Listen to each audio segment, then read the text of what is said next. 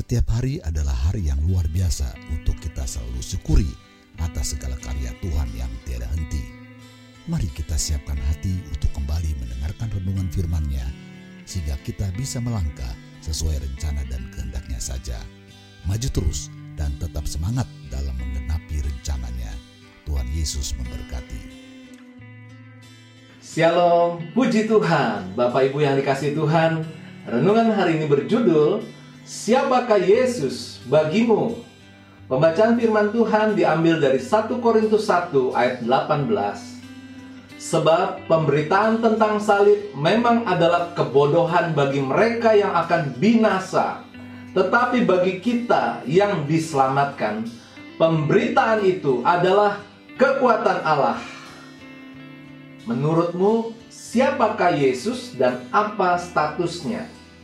Pertanyaan ini ditanyakan kepada orang-orang Yahudi sekarang ini dan video tanya jawab mereka diunggah di salah satu channel YouTube. Berikut saya rangkumkan jawaban mereka ketika diberikan pertanyaan tersebut.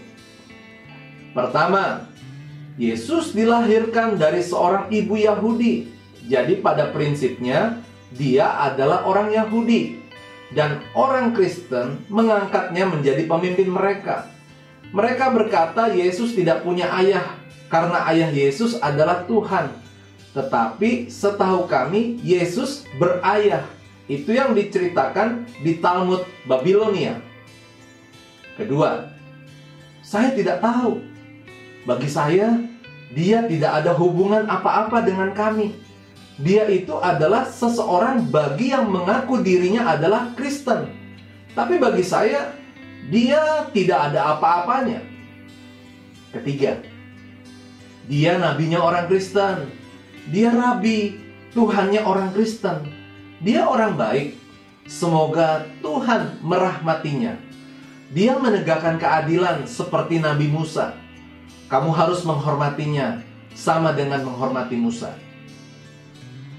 Keempat, Yesus adalah pendiri agama Kristen.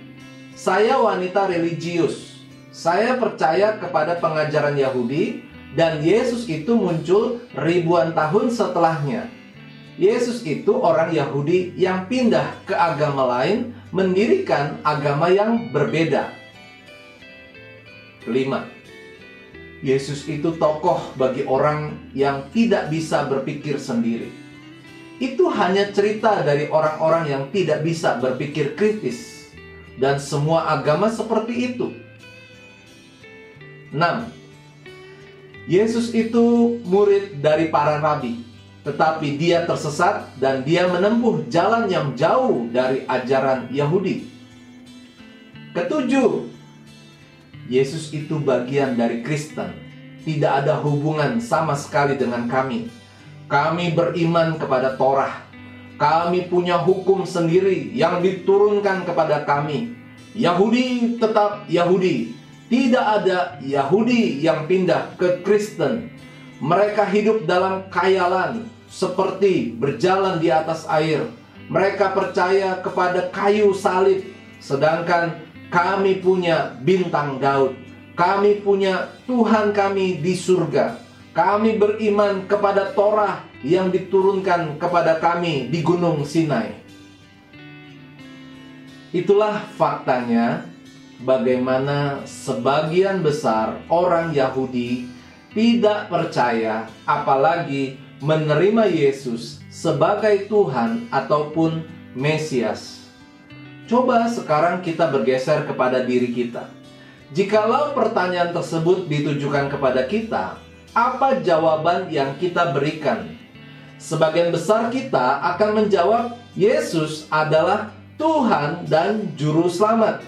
Itu benar sekali. Dia adalah Mesias yang diutus oleh Bapa untuk menjadi tebusan bagi semua dosa.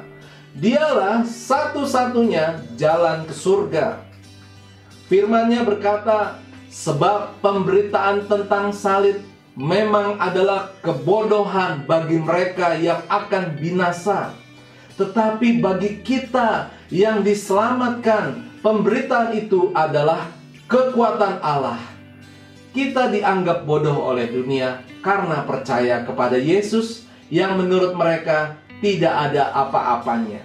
Sesungguhnya karena salibnya kita dimerdekakan dari dosa dan akibatnya yakni maut.